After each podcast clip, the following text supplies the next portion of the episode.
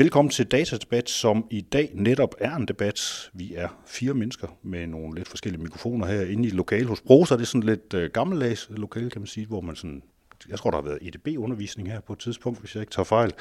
Uh, vi har uh, Thomas Damkær Pedersen, formand for IDA, Ingeniørforeningen. I har faktisk fået en hel del navne på det sidste. I er også blevet teknologiens stemme nummer et, en forening for viden, netværk og interessevaretagelse. Og, sådan noget, men, og så har I en, en 2025-plan. Hedder I stadigvæk Ingeniørforeningen? Vi hedder Ingeniørforeningen IDA, ja. Det er fuldstændig rigtigt. Det har vi gjort rigtig længe, ja. og det gør vi stadigvæk. Det gør jeg stadigvæk. Ja, det er, når man går ind på jeres hjemmeside, er det sådan lidt langt væk, når man skal rode, øh, rode sig frem til det faktisk. I hvert fald jeg tror, der står Ida eller øverst på vores hjemmeside. Der står Ida eller øverst ja, på jeres hjemmeside. Ida.dk, så finder du også. Den er god nok, men jeg tænker ja. bare på Ingeniørforeningen, som jeg var bange for at forsvundet, men det fandt jeg ja, i går derinde. Jeg, jeg, jeg, jeg skulle et stykke derned. Så har vi Lars Kvistgaard, som er formand for, det, øh, for akademikerne. Har I også sådan en, øh, har I en 2025-plan? Nej, vi har ikke nogen 2025-plan. Vi har sådan en, en løbende øh, strategisk indsats i forhold til at fremme, øh, kan man sige, videnssamfund og arbejdspladser, der har med viden at gøre, og i det hele taget, kan man sige, kigge på den sammenhængskraft, der er, der er i vores, vores samfund, øh, i forhold til at både også selvfølgelig repræsentere fagbevægelsen. Så har vi også øh, Niels Berlsen, formand for Prosa, forbundet af IT-professionelle i visse lokaler, vi som sagt sidder. I kom med en idé, som hedder Fagbevægelsens Dataetiske Råd. Kan du prøve at forklare, hvad det skulle gå ud på? Jamen, det går ud på, at fagbevægelsen har om nogen data om borgere i Danmark. Vi har faktisk over 2 millioner borgere, der er medlemmer af en faglig organisation, hvor vi registrerer oplysninger af meget personfølsom karakter. Og tænkte vi et eller andet sted, kunne det måske være meget godt, hvis vi i stedet for at vente på, at alle mulige andre nedsætter nogle dataetiske råd og tager diskussionerne, at vi selv gør det internt i fagbevægelsen og finder ud af, hvad vil vi egentlig gerne have, der skal være det dataetiske ansvarlige i forbindelse med dataopsamling blandt medlemmerne. Så det er simpelthen det planen, det er at få, få startet en debat her, før de andre går i gang om det? Det er simpelthen planen, ja, fordi jeg tror, at det andet kommer nok til at trække lidt ud, så vidt jeg kan se.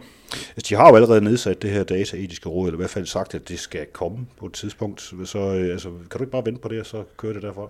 Jo, men nu kommer der folketingsvalg jo, om ikke så længe jo, og det er jo ikke sikkert, at den næste regering har de samme planer om at etablere et dataetisk råd. Jo. Så ligesom for at tage øh, sådan tingene på forskud, så har vi sagt, jamen så lad os da tage en debat her, fordi vi har faktisk mange data, og vi kunne, kan jo også godt både bruge og misbruge data, så det kunne være meget rart, at vi kunne finde sådan en fælles platform at stå på i forhold til sådan en debat.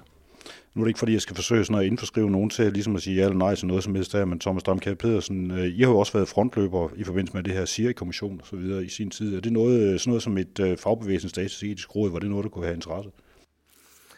Jeg tror, det er rigtig fornuftigt at øh, overholde GPDR, som kom her 25. maj 2018. Det tror jeg, vi alle sammen har haft rigtig fokus på, og der har fagbevægelsen jo en særlig rolle, fordi vi netop har rigtig mange personfølsomme data, og derfor har vi fået skærpet, kan man sige, opmærksomheden om, hvordan vi håndterer dem. Det har vi også gjort i IDA, det er sikker på, man også har gjort i Prosa, og gjort i hele, hele fagbevægelsen. Og, og det der med et, øh, et dataetisk råd, det kommer, jeg er ret sikker på, at det bliver nedsat her i løbet af januar og februar, altså inden der bliver folketingsvalg, tror jeg, at vi får nedsat et dataetisk råd, som, som jeg tror på vil være med til at styrke os på fremadrettet, så vi også kan bruge data som en konkurrenceparameter i forhold til resten af verden, til det med at sikre, at vi netop beskytter de individuelle data, altså at vi sørger for, at vores, både vores medlemmer, men også de almindelige borgere, som Altså, vi har halvdelen, sådan lidt under halvdelen som medlemmer i fagbevægelsen, men der er jo også en anden halvdel, som også skal beskyttes, og det tror jeg, det er klogt, at vi har dem alle sammen under det samme råd. Jeg tænker på, I har jo også, altså netop hos, øh, hos jer, Thomas Damkær Pedersen, der har I jo også, som sagt, den her øh, SIRI-kommission, der hed det i sin tid, at øh, I har lavet den her så initiativ til den, der skal kortlægge, hvordan Danmark kan udnytte udviklingen inden for kunstig intelligens og den digitale disruption til vækst og jobs. Hvordan, når du kigger ud over samfundet lige i øjeblikket, hvordan synes du så går det den rigtige vej? Ja, det synes jeg faktisk, det går den rigtige vej. Altså, jeg synes, vi har haft rigtig meget godt arbejde i SIA-kommissions sammenhæng, og vi har jo haft et dataetisk spor. Altså, vi har kaldt det et etisk spor, og vi kørte også et tværgående spor omkring efter- og videreuddannelse, hvor vi, hvor vi kortlagde, hvad, hvad kommer konsekvenserne til at blive set med kan man sige, højtuddannedes øjne i forhold til, hvad sker der med den teknologiske udvikling. Og, og det er klart, at, øh, at der er vild gang i den teknologiske udvikling, og det betyder, at vi skal være opmærksomme på, at, øh, at vores jobfunktioner skifter, ligegyldigt om man er tekniker, eller man er samfundsfaglig, eller hvor man er henne i, i, i hele spektret på det her område. Også hvis man kommer fra de ufaglærte rækker, så vil man skulle have meget mere hånd på teknologi fremadrettet, og det har vi kan man sige, med en række temaer i SIA-kommissionsarbejdet sat rigtig meget fokus på inden for For eksempel for sundhedsteknologi har vi har sat fokus på det. Vi har gjort det inden for transportteknologi. Netop for at prøve at komme med nogle bud på til politikerne, hvad kan de så gøre for at sikre, at vores, at vores medlemmer i fagbevægelsen rent faktisk også har nogle interessante og spændende job fremadrettet. Og erfaringerne er indtil nu, at øh, man skal være rigtig opmærksom på automatisering af robotter og kunstig intelligens, fordi hvis ikke du, hvis ikke du selv tager det ind i din, i din virksomhed gennem dine dygtige medarbejdere, så er der altså en virksomhed, som øh, opstår sådan måske i en garage eller en kælder, det er meget populært at sige. Sådan en startup virksomhed, den overhælder dig lige pludselig, fordi så laver den en, øh, en app, altså bruger teknologien på en anden måde, end du har noget at se, og så bliver du, det som i det der sprog hedder disrupted, du bliver overhalet indenom, og det vil sige, at du er ikke klar til at, at være på det marked, hvor du var tidligere, fordi der bliver du, kan man sige, smartness øh, gik før din, din langsomhed, og det er derfor, vi siger til, til alle virksomheder og til, til vores egne medlemmer, at efter videreuddannelse og fokus på teknologi, det er en nødvendighed, hvis du vil sikre, at du har et, et videnssamfund, som kan fungere og bidrage til velfærden i Danmark fremadrettet. Det er det, vi har sat fokus på i SIA-kommissionen og kommet med en række anbefalinger på, på de områder. Lars Kvistgaard, hvordan øh, ser du fremtiden? Nå, jeg, jeg er jo enig med Thomas. Jeg synes jo generelt, altså, så er der en, en, en spændende, øh, spændende udvikling. Øh, i lang tid øh, har vi jo snakket om, hvad, hvad kan teknologien? Øh, nu synes jeg også, der begynder at komme nogle, kan man sige, nogle, nogle samfundsmæssige refleksioner i forhold til, hvad er det, vi skal bruge teknologien til, og hvor meget skal vi spændes øh, for teknologiens vogn. SIE-kommissionen er et eksempel på det. Den tech-kommission, som, som Jeff har, har, har lanceret for nylig, er jo det samme. Dansk IT er kommet ud med de her hvad hedder det, dataetiske anbefalinger osv. Så jeg tror, jeg tror, at vi øh, derhen af, hvor man sige, jamen teknologien er der. Nu er det jo så også, at vi skal finde de balancer i samfundet i forhold til, jamen hvad er det så, vi skal bruge den til øh, på, på den kloge måde. Og det synes jeg jo, øh, det hvor jeg synes, øh, det interessante perspektiv i det, det er jo sådan set også, at vi er også ved at flytte os fra kun at have øh, det, det, det datasikkerhedsmæssige synspunkt på det, men jo sådan set også prøve at tænke, tænke videre i forhold til, jamen man kan bruge teknologien på alle mulige andre måder, som ikke nødvendigvis har noget med datasikkerhed at gøre, men som jo måske godt kan have en, en, en etisk dimension i forhold til, jamen skal vi gøre det, fordi at, at nu, nu kan vi det øh, nu engang. For eksempel øh, eksemplet i Gladsaxe Kommune, kan man sige, hvor man vil jo øh, vil, kan man sige, give karakterer til, til, til, til skolefamilierne osv. Jo en nobel, nobel tanke, men, men hvad, hvad kan konsekvenserne af det her være? Så, så på den måde, så synes jeg, at vi er ved at komme til en modenhed, hvor vi altså også har, har, har en vilje til måske at tage hånd om at sige, jamen, hvad er det så, vi vil bruge teknologien til? Hvordan påvirker den dine medlemmer allerede nu? Det påvirker jo øh, på rigtig mange øh, ledere og kanter i forhold til teknologien. For det første selvfølgelig, hvad er det for nogle kompetencer, øh, man skal have? Det, det er jo en del, øh, del af det. Og der, der er vi jo også ved at komme efter det. Øh, rigtig mange af universitetsstudierne er jo begyndt at tage, øh, kan man sige, teknologiunderstøttet øh, undervisning. Ikke kun på den tekniske, tekniske side, men jo altså også inden for samfundsvidenskaberne og, og de humanistiske uddannelser. Så der, der, der sker noget. Så er der jo ingen tvivl om, at i hverdagen, jamen der sidder mange jo og arbejder med, med teknologi, og, og kan man sige, at den vej skal jo både kan man sige, realisere nogle resultater, men selvfølgelig også finde ud af, hvordan er det, man håndterer og navigerer det i, i hverdagen. Det er Smertelsen, i virkeligheden, så kan man jo sige, at alle de, øh, altså alle de andre områder, de smelter jo sådan set ind i dit. Altså, der, bliver, der kommer computer ind i alting. Det gør der, ja. Det betyder jo også, at øh, kravet, som vores Thomas har været inde på, øh, til efteruddannelse af medarbejdere stiger voldsomt, også fordi, at øh, når man skifter et forretningsområde over i en mere teknologisk baseret retning, så skal man også have nogle medarbejdere, der har den fornødne kompetence til at kunne omsætte forretningsstrategien teknologisk set også. Og det er jo en af de indsatsområder, vi har for vores medlemsvedkommende. Vi ved jo også godt, at vores grupper bliver jo også automatiseret.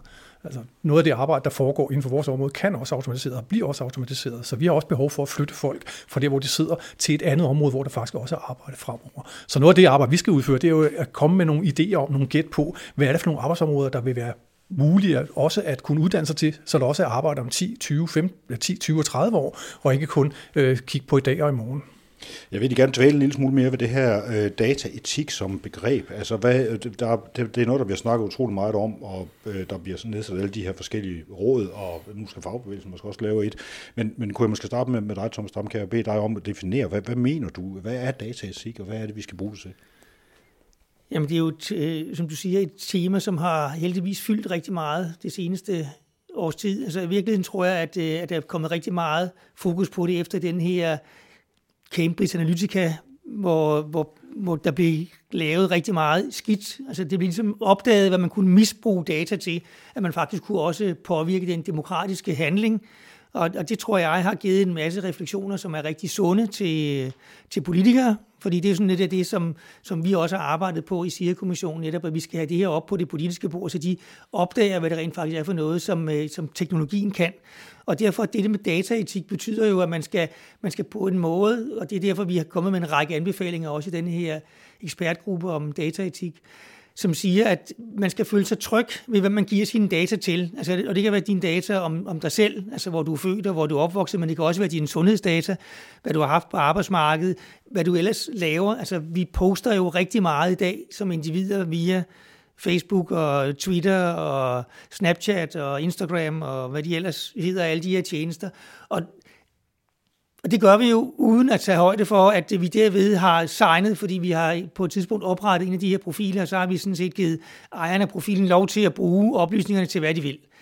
Og der er vi, tror jeg, kommet i en situation nu, at, øh, at man skal lige gå det der skridt baglæns og sige, hov, firmaerne skal også vise noget etik omkring, hvad bruger de rent faktisk data til. Og det er derfor, vi har været inde i ekspertgruppen og pege på, at hvad gør jeg som, øh, som forælder til et barn på 10, som godt vil have downloadet en app? Kunne det ikke være smart, hvis man havde sådan et dataetisk mærke, som kunne sige, at lige præcis den app har været igennem et dataetisk råd, hvor man har haft nogen, der har forstand på det, som har kigget på, at den app, der afgiver du så ikke nogen oplysning om dig selv, som du ellers ikke ville have gjort. Altså, og der, der er det rigtig, rigtig svært for rigtig mange, og derfor bruger jeg eksemplet med forældre, hvor man bliver plaget af den, uh, af den 10-årige, som siger, må jeg ikke godt downloade den her? Og så siger man, efter man er blevet spurgt tre gange, gør det nu. Ikke? Ja, så får man lige at vide, at den koster så også 25 kroner eller et eller andet, altså, og så, så betaler jeg også dem. Men det man så måske ikke ser er, at man samtidig i den app får adgang til ens barns data, og de får løbet lov til at bruge dem til en masse andre ting, som, øh, som de ikke skulle have lov til. Og der kunne vi hjælpe rigtig meget, set fra, fra mit synspunkt, men også fra samfundets synspunkt, hvis man kunne, ligesom man har økologimærker eller andre mærker, så havde man et dataetisk mærke, der sagde, denne her, den har vi altså godkendt, så den kan du roligt give til dit, øh, til dit barn. Så har du i hvert fald den side af sagen. Så kan det være, så må du selv bedømme, om du synes, indholdet i appen er noget, du, dit barn skal have, men så er dataetikken i hvert fald på plads på det her område. Så på den måde tror jeg, at man både skal være, kan man sige, på de højdragende skyer i forhold til, hvad er dataetik, men vi skal også hjælpe den enkelte, den enkelte samfundsborger, den enkelte bruger på det her område. Og derfor er en række råd sådan meget fra top til bund, og det hele skal igennem sådan et dataetisk råd, som i virkeligheden skal ind og lave nogle kvalitetssikringer af, at data bliver brugt fornuftigt fra top til bund i hele samfundet. Nej, altså jeg prøver jo at sige, at den har jo, kan man sige, den har også det her med, at, øh, at vi skal forholde os til, at data ikke bliver misbrugt på, på både på personniveau, men også på virksomhedsniveau. Altså derfor har vi også et råd, som, som hedder, at virksomheden skal også gå ud og erklære sig via en dataetisk øh, ed, som virksomhed at sige, alle de data, som jeg samler ind i min virksomhed, dem misbruger jeg ikke. Altså, de bliver også brugt på en etisk måde. Så så det der med, det er ikke kun at se det fra forbrugers side, det er også at se det fra samfundets side. Altså, jeg tror, det er vigtigt at sige, at, at, at hvis vi har et fornuftigt forhold til, til brug af data i Danmark, som jo er altså et af de bedst digitaliserede lande i verden, så vil vi også kunne bruge det her som, øh, som noget eksportvare og sige til andre lande, hvordan kan de bruge deres data, fordi der ligger jo rigtig mange data i rigtig mange andre lande også. Så kan de bruge Danmark som eksempel, og så kan vi lave noget, tror jeg, noget, en fornuftig business case på, at vi rent faktisk kan eksportere viden omkring datahåndtering. Fordi det tror jeg bliver, altså den fremtidige ressource er jo data. Data er guld. Men altså, jeg tænker, når, når, man, når man kobler øh, data og etik sammen, altså, så handler det jo selvfølgelig en del om, øh, hvad er, hvad er, hvad er data, hvordan anvender det, men etik handler jo sådan set også om at skabe det gode samfund. Og det er jo, det er jo lige så meget de overvejelser, som man skal tage med sig øh, undervejs. Og jeg synes, jeg synes da, øh, at der, at der, er jo, der er jo mange spændende ting i spil. Altså jeg synes, det der, det der dataetiske løfte, som jo, jo er en, en del af det, som den diskussion, som kører, er jo, er jo vildt spændende. Øh, hvis, hvis man flytter sig lidt fra, fra, fra den rene dataside, altså for eksempel øh, tænker jeg da også, at når vi snakker kunstig intelligens, at der er der også, kan man sige, nogle etiske øh, dimensioner øh, i det her. Altså Rigshospitalet er jo, er jo meget begejstret for, at de kan sige, at de bruger Watson i diagnostikken, øh, men, men det er jo en amerikansk Watson, som er blevet oplært. Øh, og, og der kan man sige, jamen, men der, der synes jeg da sådan set også, at det er rimeligt, at man går ind og udfordrer de algoritmer, der ligger i den, og siger, jamen synes vi, det er den, den, den, den rette måde at skabe god behandling i Danmark på? Så på den måde, så, så, så synes jeg også, at det, det, det er lidt højere oppe end, end, end, end en ren, ren, ren forbruger. Det er, kan jeg sige, alle de perspektiver, hvor både man har data, men også de, de, de måder, man vælger at udnytte data på. Og, og, og her kunne, kunne kan man sige, kunstig intelligens også være et eksempel. Niels Pallesen, har vi, øh, det, det handler også meget om, hvordan vi indsamler data, kan man sige, og hvilke data man egentlig må bruge, fordi, og hele debatten om, hvem må tage data op, og hvem må ikke. Ja, vi startede virkelig en diskussion et andet sted. Vi sagde nemlig, hvad, hvad er der overhovedet behov for at indsamle alle de data? Altså det er jo første skridt, det er, at det, der bliver deklareret, er det overhovedet nødvendigt og brugbart at deklarere på den måde, man gør det. Og det er ligesom det, der skal starte overvejelsen til at sige, at det er den rigtige vej, vi går. Det er selvfølgelig et spørgsmål om, hvad er for nogle data, vi indsamler, og hvordan vi bruger dem. Og det kan man jo så, som også Thomas siger, jo sagtens lave forretningsmodeller på. Jeg synes også, at Danmark burde være et forgangsland. Vi har så mange oplysninger om borgerne i vores øh, systemer rundt omkring i det offentlige, at vi faktisk har en masse muligheder for at afprøve privatlivsstrategier, privatlivsbeskyttelse, databeskyttelse og datasikkerhed. Altså, så det undrer mig, at der ikke er nogen, der indtil videre nu har taget mere grundigt fat på det. Der er så kommet en bevægelse nu, der snakker om dataetik, og det synes jeg er godt, fordi det har været en mangelvare i mange år. Vi har forsøgt jo at starte debatter som forening gennem mange år på de her spørgsmål her. Det har været vanskeligt at trænge igennem med, men nu bliver der større og større mulighed for at gøre det, fordi man kan se, at det bliver mere og mere udbredt, og data er noget, der bliver samlet op overalt. Og man afgiver jo oplysninger, uanset hvor man bevæger sig henne. Og en af de dataetiske ting, jeg godt kunne snakke om, eller godt kunne tænke mig at snakke om, det var simpelthen at sige, at dem, der laver apps, må, ligesom det offentlige ikke må tage flere data om borgeren, der er nødvendigt for at udføre opgaven, så må de ikke stille krav om, at brugeren skal give adgang til ens oplysninger, ud over hvad der er nødvendigt for den applikations mulighed for at udføre sit arbejde. I stedet for at skulle forlange, at man har adgang til kontakten og placeringerne og ens øvrige indhold på telefonen, det er jo standard i dag, at man afgiver det, når man får en applikation ned på sin telefon, at man afgiver alle de rettigheder, man har i sin telefon nu. Og det siger et sted, det er da et eller andet sted, en diskussion, vi skal have, det er, hvor går grænsen hen ind i for, hvad man kan forlange som leverandør af en applikation, til hvilken indhold man skal have adgang til på en brugers telefon eller platform i øvrigt. Thomas Domkær Pedersen, hvordan, øh, hvordan ser det ud med privatlivet inden for dataetikken? Jamen, jeg, jeg tror, privatlivet i Danmark, det er stort set afskaffet. Altså, jeg tror, at, øh, at der er efterhånden ingen, som ikke bliver observeret, enten via deres egen lille telefon, det går i, altså sådan en smartphone, de har i lommen, eller også via alle de andre offentlige systemer, hvor man er registreret i. Så det der med, med privatlivets fred, det er, altså det, er blevet en, en, det er blevet en anden grænse.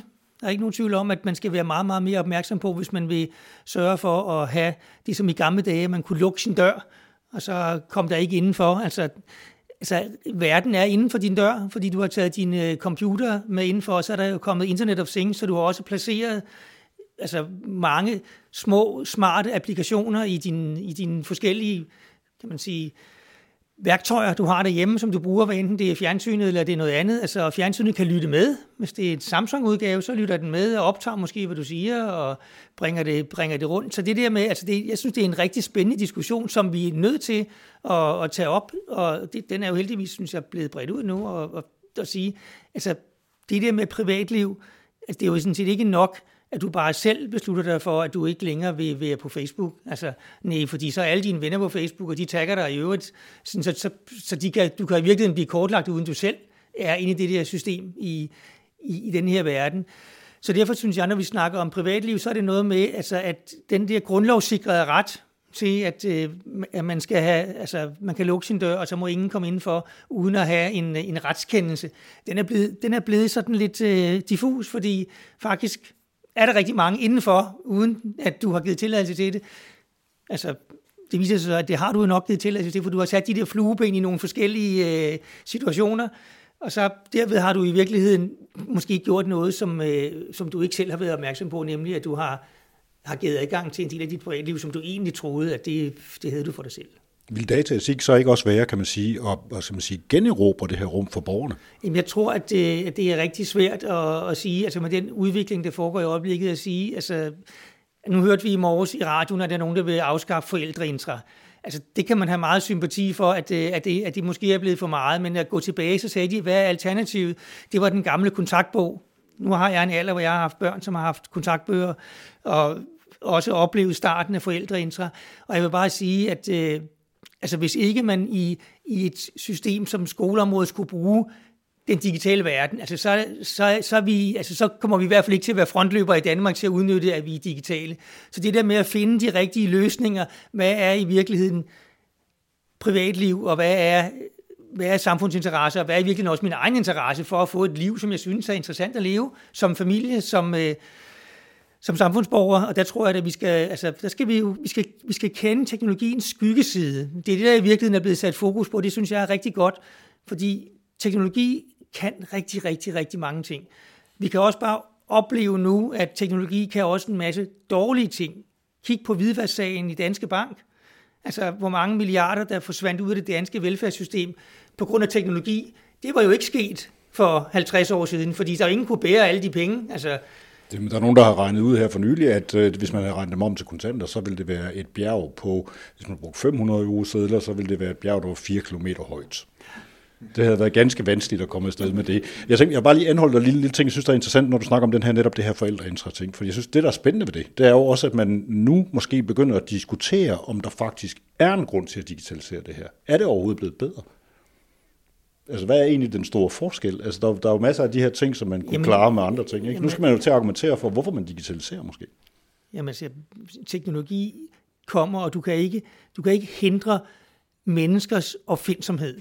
Altså, så enten vi i Danmark synes, det er interessant eller ej, så vil resten af verden løbe rundt om os, og derfor tror jeg, at det, at det er enormt vigtigt at tage kan man sige, opfindertrangen til sig og bruge den fornuftigt, og derfor er digitalisering selvfølgelig interessant. Altså, altså at gå fra skrivemaskinen til en computer, tror jeg, altså jeg tror ikke, der er nogen, der vil tilbage til en skrivemaskine.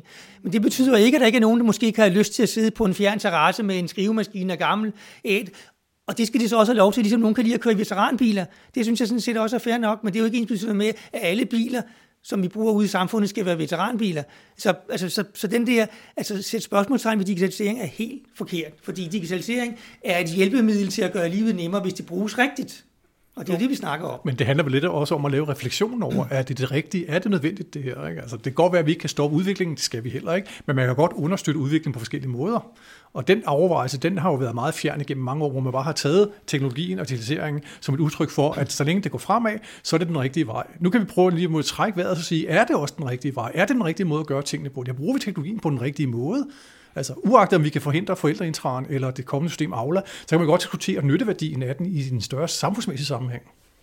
Lars Kvistgaard, jeg skal bare lige på nu, vi har, vi har lige rundet en debat omkring privatliv. Jeg ved ikke, hvordan du har det med den debat, men jeg tænker bare på, hvad er dit bud? Mener du også, at privatliv er dødt? Der er jo i hvert fald noget, der tyder på, at vi har leveret øh, rigtig mange oplysninger, både frivillige og ufrivillige. Der er jeg helt enig med, med Thomas. Og, og, og der tror jeg simpelthen, det handler om, at, øh, at vi som samfund skal have denne refleksion i forhold til, nu flyder det her data, hvordan er det så, man bruger det? Øh, jeg tænker, øh, og det virker måske lidt, lidt, lidt, lidt mærkeligt at hive radios ind i, i den her sammenhæng, men man kan sige, udlicitering af, af, af central infrastruktur, jamen alt det data, vi har i det offentlige, øh, kan vi være sikre på, at det altid er inden for det offentlige, det her data er, hvis det offentlige vil, vil vælge at udlicitere det her, eller det aktuelle eksempel med, at skal Huawei øh, drive vores 5G-netværk, leverer vi så data til kineserne. Så jeg synes, i den her scene, der tror jeg, det er fornuftigt, at vi begynder at have den her refleksion i forhold til, jamen, hvad er det egentlig, for, hvad er det egentlig vi sidder med? Øh, så det er en del af det. Øh, den anden del af det, og det er jo, det er jo så, kan man sige, der, der, der tænker jeg måske, at, at vi har været meget dygtige til, og, og netop også fordi vi er så stærke i Danmark, og er så, så har teknologien er så vel implementeret, at vi måske er haltet bagefter i forhold til sige, nogle af de samfundsmæssige øh, refleksioner. Altså, Finansministeriet har rullet det her igennem med, kan man sige, objektiv lovgivning, øh, hvor at, at, at man kan sige, at al lovgivning skal, alle afgørelser skal kan, kunne digitaliseres. Det er et kæmpe opgør med hele vores retstradition omkring skøn og sætte mennesket i centrum. Det har der overhovedet ikke været nogen som helst politisk drøftelse af.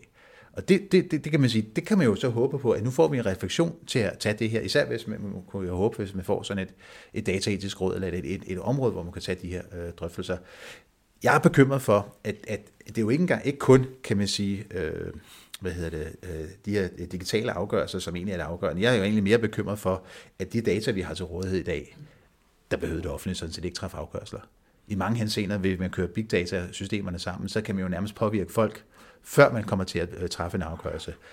Der skal vi da også hen og, og kunne sige, jamen, hvordan er det, skal, hvor meget skal, skal, skal man, kan man sige, være skal det offentligt kunne gå ind tidligt og sige, jamen vi vil gerne prøve at påvirke befolkningen på den her måde med de data, vi har. Så jeg synes, der, jeg, jeg synes det er enormt kærkomment, at der er begyndt at komme de her refleksioner i forhold til, hvad er det, vi har, og hvordan er det, vi skal bruge det. Selvfølgelig både af hensyn til vores egen øh, befolkningsintegritet, øh, men, men selvfølgelig også et perspektiv i forhold til, kan vi så også præge øh, udviklingen i EU, men, men også er der, er der et marked for, for, for nogle af de her ting. Niels Bertelsen, hvordan har du det? Altså, er privatliv også stødt for dig? Nej, man kan jo stadigvæk godt i en vis udstrækning kontrollere, hvor mange data man afgiver hvorhen, men det er rigtigt, det er blevet sværere at undgå at blive registreret, hvis man er på nettet på en eller anden måde. Det er man, uagtet man er på Facebook eller ej. Men jeg prøver da at begrænse min adgang med at afgive oplysninger, så for meget jeg nu, engang kan. Jeg installerer meget få applikationer på mobiltelefon. Jeg er ikke på Facebook øh, som privatperson.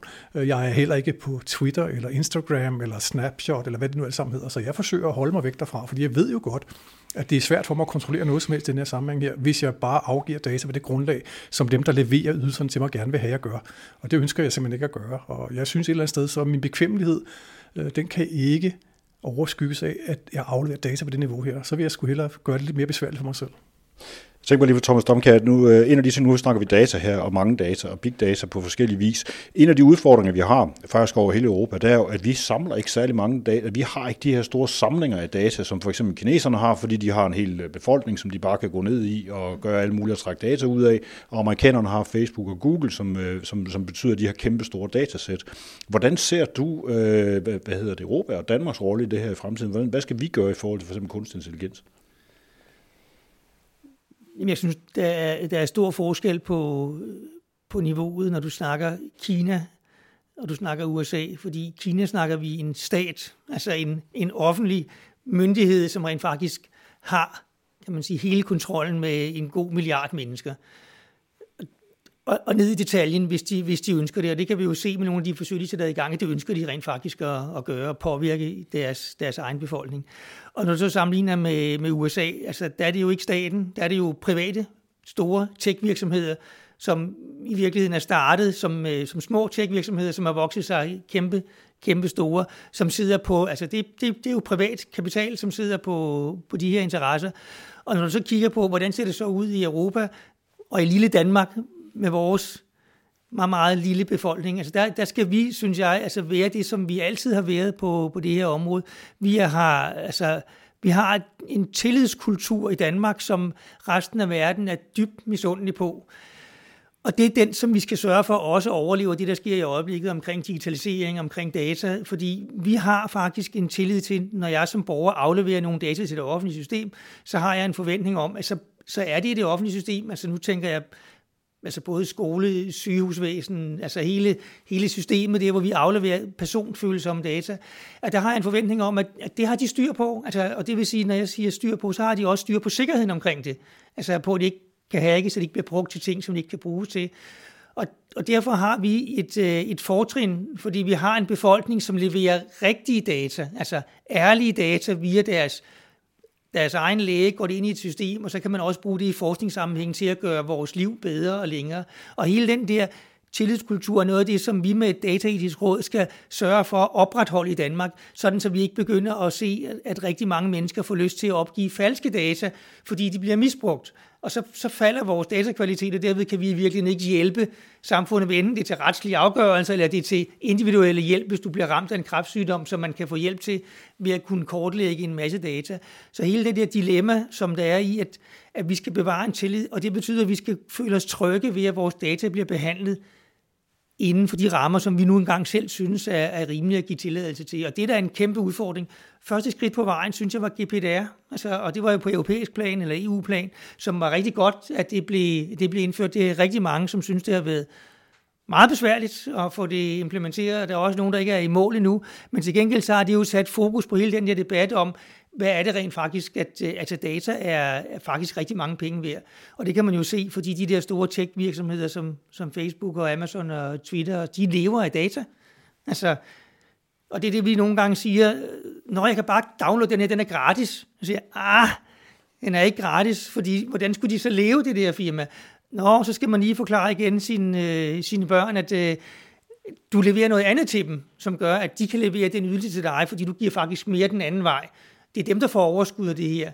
Du får måske lidt fornøjelse, men de får rent faktisk øh, profit på bundlinjen ud af det her. Og det, hele den diskussion der med, den skal vi blive ved med at tage, og så skal vi sikre os, at vi har det her tillids, den tillidskultur i Danmark omkring data også, og, og det er, det er der, vi snakker dataetik, altså brug af data, etiske aspekter i det her, hvornår, hvornår vil jeg levere data til forskning inden for kræft, det vil jeg sådan set gerne, hvis det kan være til gavn for, for den danske befolkning. Altså der tror jeg, at rigtig mange danskere vil sige, det er jeg sådan set med på. Jeg tror bare, at de nogle gange, så vil de måske gerne spørge os først. Også. Altså de ligesom ved, hvad de siger ja til.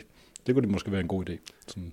Jamen jeg tror, at øh, det er jo det, som, øh, som lige præcis hele den der diskussion snakker om. Hvornår skal man, øh, altså hvad er det, man giver lov til? Nils siger det med sine eksempler på, hvad vil han, hvad vil han give lov til? Og lige præcis det der med, at, at man skal give afgrænset tilladelse til, når man afgiver sine data. Det er det, de må bruges til.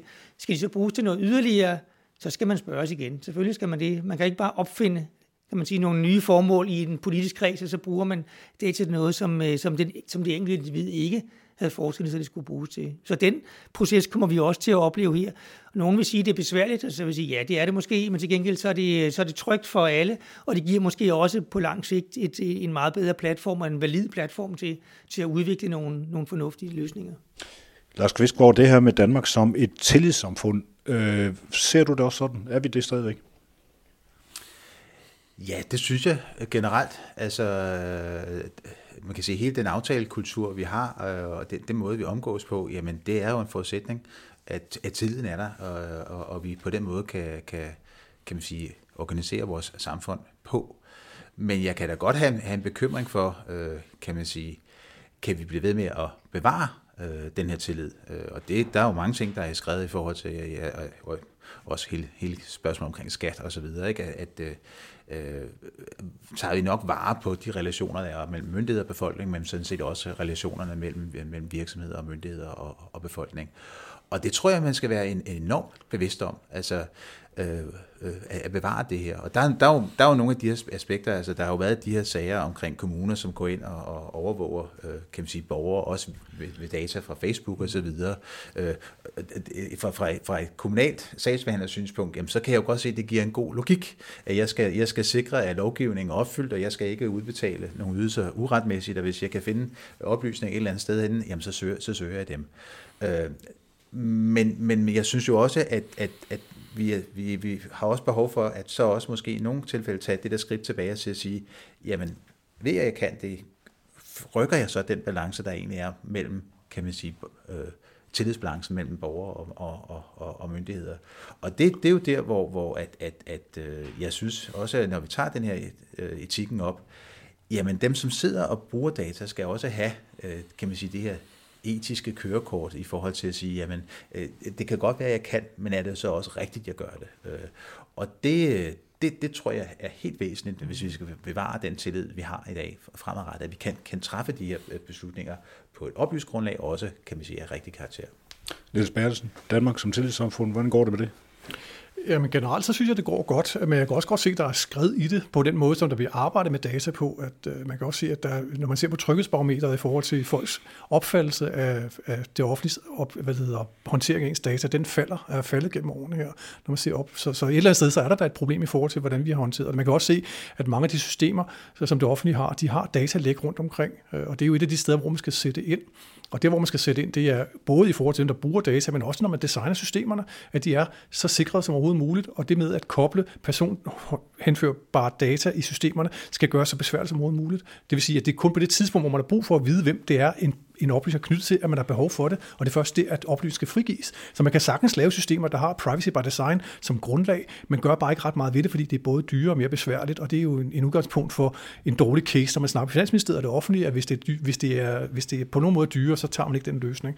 Og det er jo en af problemerne med digitalisering i Danmark, der er sket gennem de sidste 20 år, det her med henblik på at effektivisere og rationalisere. Ikke med henblik på at lave bedre grundlag for beslutninger, eller en bedre kvalitet i oplevelsen med kontakt med det offentlige. Og det er derfor, det går, går galt gang på gang. Det er fordi, det udgangspunkt det er ikke, hvad der er godt for borgeren, eller hvad der er godt for samfundet. Udgangspunktet er, hvor kan vi spare penge hen? Og det er en helt, helt anden indgangsvinkel, som man skal se at komme væk fra så hurtigt som muligt. Og jeg tror også, det er en af grunden til, at det går galt i skat, simpelthen, det er, at man har på forhånd taget gevinsten og fjernet medarbejderne, uden at systemerne har været givet ordentligt til at kunne løfte opgaven. Og det er så de problemer, vi sidder med i den subdag, vi sidder med i dag. Men det er ikke fordi, at Finansministeriet eller de andre ministerier er blevet klogere af det indtil videre. De fortsætter den samme gang med at sætte strøm til allerede eksisterende arbejdsgange, og så tro på, at det i sig selv er tilstrækkeligt til at sikre en eller anden form for gevinst. Og det tror jeg simpelthen ikke på. Jeg tror, der skal en mere grundlæggende debatter til, og nogle bedre analyser til, hvad det egentlig er, vi har behov for. Nogle reaktioner på det? Jamen, jeg er sådan set enig med Niels i, at, øh, at, at den diskussion, som er startet op omkring, altså hvad er formålet? Altså, kan man hente gevinster ind, når man... Øh, og de, altså, før i tiden har man jo også rationaliseret og taget gevinster ind, før man, øh, før man har, kan man sige, har været klar til det, og nu er det bare blevet meget tydeligt, fordi nu siger man på, på et regneark, at øh, jeg, jeg, kan, jeg kan fjerne 10 medarbejdere og sætte en maskine ind, så fjerner jeg de 10 medarbejdere, men man er bare ikke klar med maskinen endnu, og så går det selvfølgelig galt. Altså, og, og hele den, den filosofi, som, øh, som har været præget af, at man skulle effektivisere, er, synes jeg nu, der er blevet sat øh, rigtig godt spørgsmålstegn ved at sige, ja, selvfølgelig skal vi effektivisere, men, men hvad skal udgangspunktet være? Skal det være, at jeg skal spare penge i en forvaltning, en styrelse eller et offentligt sted, eller skal jeg effektivisere i forhold til den måde, jeg behandler mine borgere på? Altså skal de have en kortere sagsbehandlingstid, skal de have et bedre kvalitet i det? Der tror jeg nemlig, at vi alle sammen er over og sige, men det er selvfølgelig det, vi skal have udgangspunktet i. Og så skal man gøre det, som, øh, altså, som, som bliver en lidt dyre løsning, Altså at det der tekniske privacy by design, godt dansk udtryk igen, ud, altså, som er kommet ind, som jo bare betyder, at man skal huske det, som jeg plejer at kalde skyggesiden af medaljen, når man indfører ny teknologi. Man skal også være opmærksom på, at nogen vil måske misbruge det. Altså, altså de kriminelle har en eller anden tendens til altid at prøve at finde hullerne, og de er ret dygtige til at gøre det, og derfor skal vi være endnu dygtigere til, når vi implementerer noget, at så skal vi have nogen, som tænker, i virkeligheden, hvordan vil nogen gå ind og misbruge det, og det har man ikke været dygtig nok tidligere. Der har man, der har man skøjtet sådan hen til de korte løsninger, og så er der jo også sket det, og det synes jeg, man skal være meget opmærksom på, når du kigger 10-15 år tilbage så til i dag, så er der kommet en helt anden computerkraft. Altså der er nogle, kommet nogle helt nye muligheder, som, som ikke fandtes for, for 10 og 15 år siden. Og, og når der nu så kommer i løbet af de næste måske 10-15 år en ny kvantecomputer, altså så, så vil du igen se det der spring til, så kan man lige pludselig håndtere data på en helt anden, altså med en helt anden hastighed og på en helt anden måde, man har kunnet før. Og det skal man selvfølgelig også begynde at tage højde for at sige, altså opstår der så nogle nye muligheder for, at det også kan bruges forkert. Altså, og det, det er det, som, som jeg plejer at kalde bagsiden af medaljen.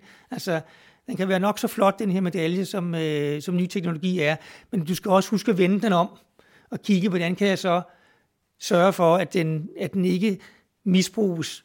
Altså, og jeg ved godt, det er rigtig svært, det der med at sige, kan man, kan man gardere sig 100% Og det, altså, det kan man jo ikke. Altså, det er også derfor, jeg siger, og starter debatten med det der tillidssamfund, at sige, altså, jeg betaler min skat med glæde. Sådan siger rigtig mange danskere med en indforståelse af, at jeg gør det, fordi alle andre danskere også gør det.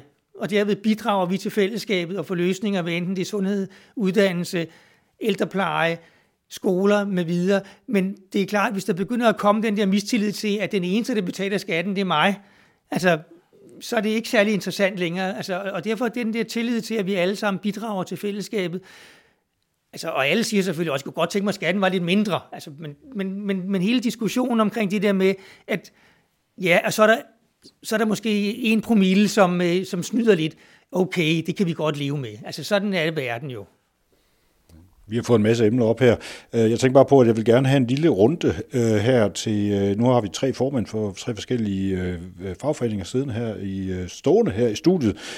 Hvordan ser fremtiden ud for fagforeninger? Hvad, hvad, kommer, øh, hvad kommer I til at lave? Øh, hvad hedder det? Jeg kan måske starte med den anden vej rundt, og så sige Niels Bertelsen først. Hvordan ser fremtiden ud for Brose? Jamen, jeg synes, den ser lys nok ud, som det ser ud lige for øjeblikket. Altså, det er jo ikke fordi, at der er mindre behov for fagforeninger i de kommende år. Der bliver behov for, at man kan samle op på, hvad er udviklingen, hvordan skal vi være med til at påvirke den ude på arbejdspladserne, hvad er der behov for der, hvordan kan vi sætte vores medlemmer til at kunne udføre arbejde også de næste 30 år, så vi hele tiden er på beatet med, hvordan de kan overleve ude på et arbejdsmarked, der er under konstant forandring. Så jeg tror, vi har masser af arbejde fremover. Skal I strække noget mere?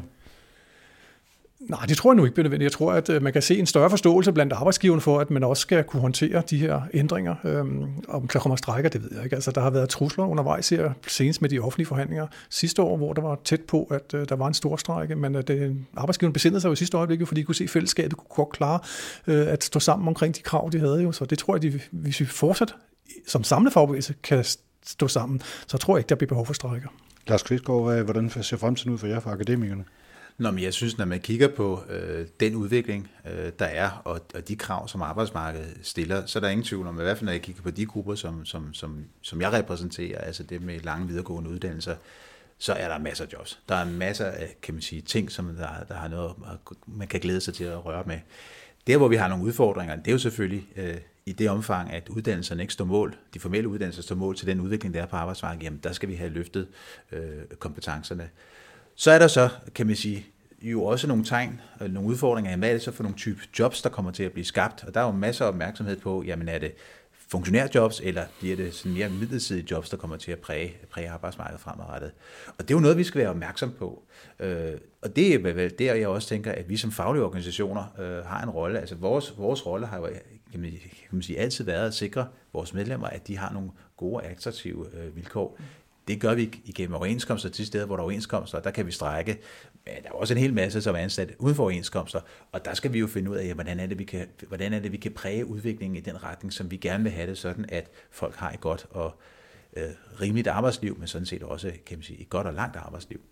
Thomas Domkær Pedersen, øh, Ida, hvad skal I, øh, hvordan ser I jeres rolle i fremtiden? Jamen Idas, du indledte med at sige det, vi har en vision 2025, som hedder Ida, et fællesskab, der realiserer potentialet i teknologi og viden.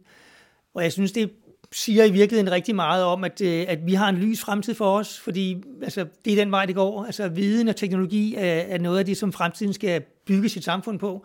Det er vores medlemmer. Vi har mere end 118.000 medlemmer, som øh, vi regner med at vokse til 175.000 i 2025, og jeg vil klart understøtte deres behov for at få, få hjælp. Og så den hjælp, de skal have, den skal de have rigtig meget fra, fra hinanden. Altså, vi er rigtig gode til at hjælpe medlemmer, med medlemmer hjælper medlemmer, sådan så vi kan knytte medlemmer sammen til, til forskellige fællesskaber.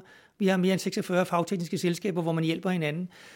Og vi har otte regioner, hvor man også understøtter, hvad foregår der lokalt ude på, både på arbejdspladserne, men også på den, på den faglige side. Så og så har vi 80 procent, som er privat ansatte, og langt hovedparten af dem er individuelt ansat på kontrakter. De skal have en masse hjælp omkring juridisk rådgivning, når de skifter job. Det får de selvfølgelig i løbet af, af kort tid, når de har brug for det. Mange af dem altså, er karrierebevidste og er, altså, er dygtige teknologiske, men de skal selvfølgelig være opmærksomme på det, som Lars Kvistgaard også siger, at øh, man skal vedligeholde sin uddannelse, fordi den uddannelse, man tager, den er super god i det øjeblik, man afslutter den, men altså, når man kigger 5, 10, 15 år frem, så er man nødt til og det er ligegyldigt, hvilken branche man er i, så skal man forny sin viden. Og hvis man ikke følger med, så risikerer man også som enkelt medlem at blive overhalet af nogle af de andre, der kommer stormende bagfra. Så, så det der råd til, til fremtiden, det er, at øh, vidensløft til hele det danske samfund er en nødvendighed på alle niveauer. I har talt sammen i en øh, 40 minutter, eller sådan noget nu her jeg spekulerer spekulere på. Noget af det, vi startede med, det var at snakke om den her, øh, hvad hedder det, øh, den her idé om at lave et fagbevægelsesdataetisk råd. Er det noget, der har gang på jord, hvis man lige spørger rundt her ganske kort? Kunne det blive sådan noget måske? Det er måske mest dig første omgang, Thomas Damke. Altså, jeg synes ikke, der er behov for det. Jeg tror på, at vi får et dataetisk råd, som går ind og, kan man sige, breder ud både og rammer, kan man sige, den halvdel af befolkningen, som ikke er organiseret i fagbevægelsen. Og jeg tror, det er, det er meget bedre at samle kræfterne omkring et fælles nationalt dataetisk råd, som forhåbentlig kommer op at stå her i løbet af januar og februar måned. Lars Kvistgaard, Akademikerne, hvad siger du?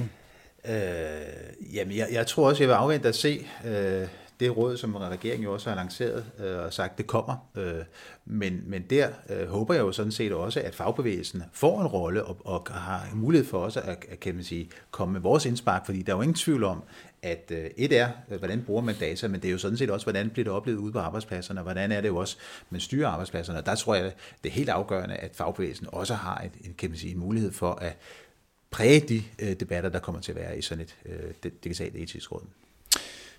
Tak til Thomas Domkjær Pedersen, formand for IDA, Lars Kvistgaard, Akademikerne og Niels Berlsen fra Prosa. Og med det så er datadebat forbi for den her gang. Vi vender tilbage igen snart her på podcasten. Jeg hedder Anders Kjærulf. Vi høres vi her mellem 0 og 1.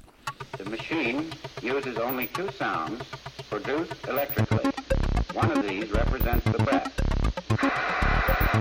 The other, the vibration of the vocal cords. There are no phonograph records or anything of that sort. electrical circuits, such as are used in telephone practice. Let's see how you put expression into a sentence. Say, she saw me with no expression. Now say it in answer to these questions. Who saw you? She saw me. Whom did she see? She saw me. Did she see you or hear you? She saw me.